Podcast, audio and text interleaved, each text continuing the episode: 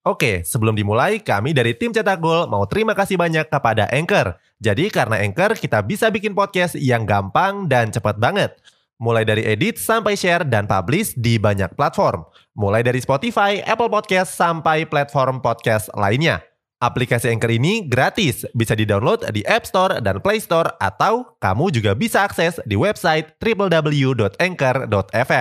Jadi sekali lagi terima kasih kepada Anchor yang bikin Cetak Gol punya podcast yang bisa kamu dengarkan sekarang. Jesse Lingard sudah nggak tergabung dengan skuad Manchester United. Mulai 29 Januari kemarin, Lingard jadi bagian resmi dari West Ham United dengan status pemain pinjaman. Alasan Lingard nggak masuk dalam rencana pelatih oleh Gunnar Solskjaer adalah performanya yang menurun dan sejumlah keterlibatannya dengan kontroversi. Cetak Gol akan membahas kronologi lengkap pindahnya Jesse Lingard sebagai berikut.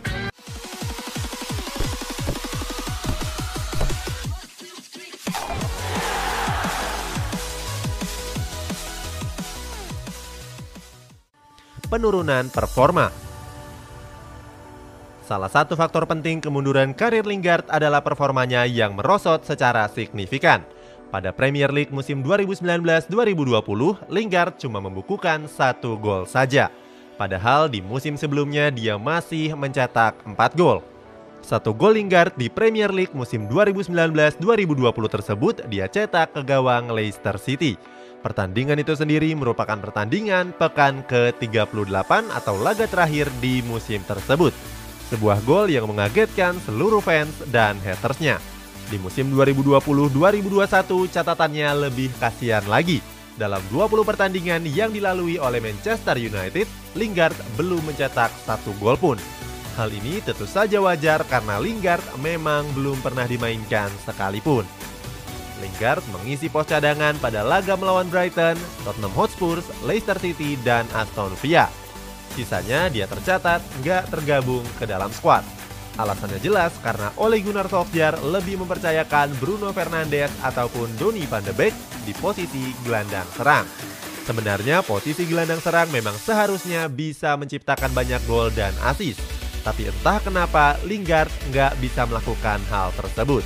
Di sepanjang tahun 2019, Lingard mencatatkan rekor dengan bermain selama 1477 menit tanpa mencetak satu gol ataupun assist. Sebuah catatan yang sangat sulit diraih oleh gelandang serang mana pun di dunia. Dihujat fans di media sosial. Performa Lingard yang mulai menurun gak mengurangi niatnya untuk membuka channel YouTube.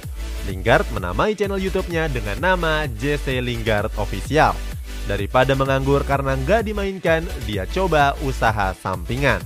Nggak disangka channel YouTube Lingard mendapatkan respon yang cukup positif. Sejak bulan pertama diluncurkan, channel YouTube tersebut sudah meraih 250 ribu subscriber.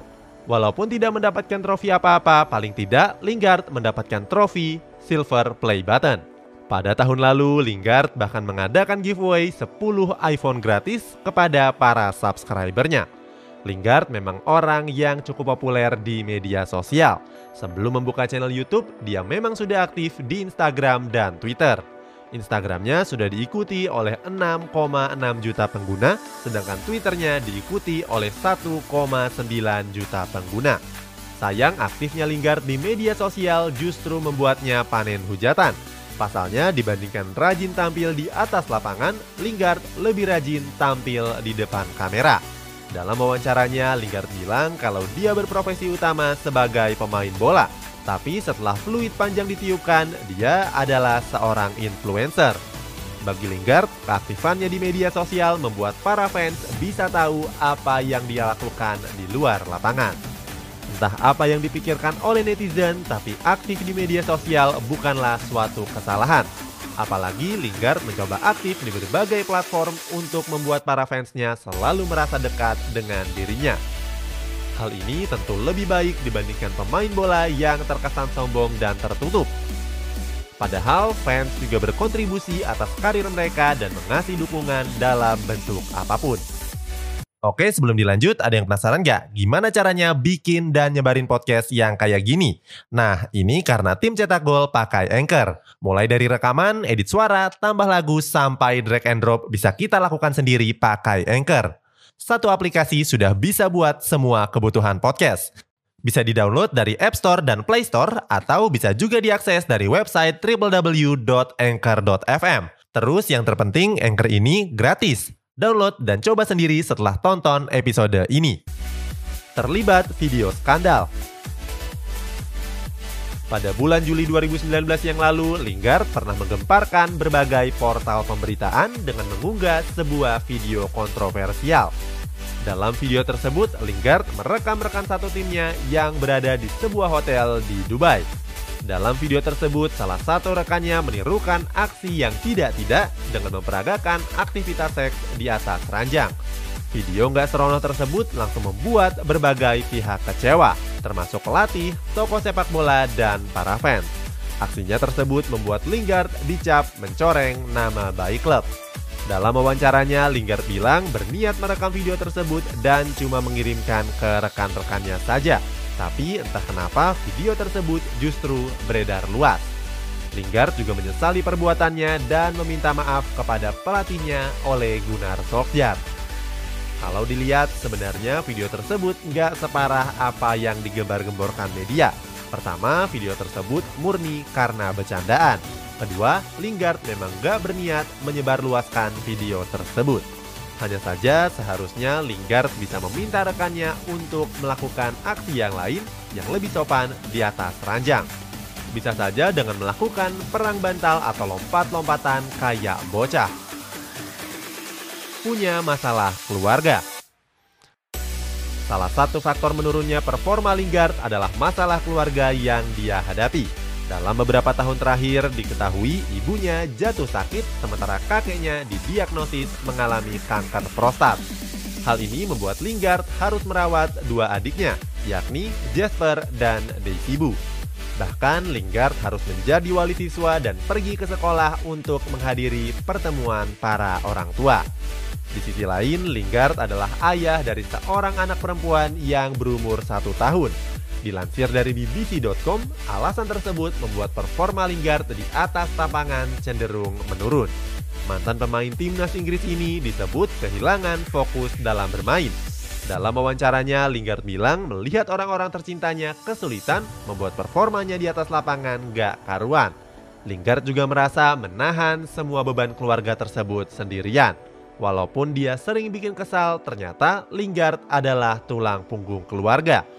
Jadi saran kami daripada menghujatnya sana-sini, Lingard butuh banyak dukungan. Salah satunya dengan mensubscribe channel YouTube-nya dan membeli clothing brand besutannya yakni Jelings. Untuk yang mau subscribe video Jesse Lingard, ada di kolom deskripsi di bawah.